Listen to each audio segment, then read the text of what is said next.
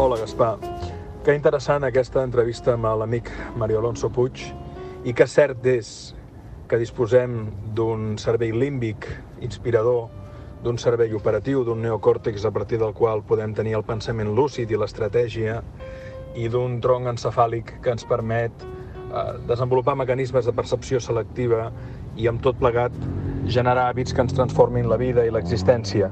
És per aquest motiu que penso que el llibre d'en Mario ens dona no només inspiració, sinó claus molt operatives, lluny de qualsevol creença màgica o, o esotèrica que ens permet eh, adonar-nos en que tenim una eina poderosíssima, eh, que és la capacitat d'entrenar el nostre cervell per millorar els processos de percepció, per millorar els hàbits cognitius i per millorar eh, la inspiració i la gestió de les emocions per transformar l'existència.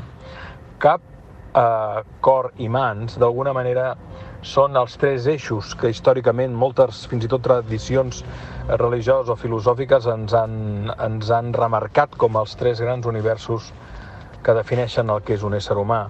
La capacitat de raonar bé, la capacitat de, de gestionar bé les emocions i de gestionar bé les accions. Recordem que l'art de gestionar bé el pensament és la saviesa, recordem que l'art de gestionar bé les emocions és la fortalesa i que l'art de gestionar bé les accions és la temperança. I en el fons el Mario el que ens fa és relacionar aquestes tres virtuts amb la dimensió neurològica i física del nostre organisme. Però recordem també que si mirem el que deia Sòcrates, quan un ésser humà assoleix la, el mestratge en la saviesa, la fortalesa i la temperança, aleshores és capaç de ser una persona íntegra, perquè és coherent, consistent i congruent, perquè cap cor i acció estan harmonitzats, estan coordinats. I quan això ho fa un grup d'individus, no parlaríem només d'integritat, sinó que emergeix la gran virtut que ens transforma l'existència, que és la justícia. Només podem ser justos si raonem bé, si tenim una bona gestió emocional i tenim uns hàbits que són coherents amb les dues anteriors.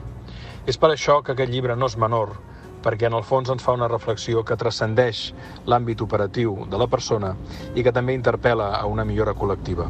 Recomano vivament la seva lectura i penso que és un molt bon llibre que val la pena tenir a la tauleta de nit. Una gran abraçada, Gaspar, i una gran abraçada a tots.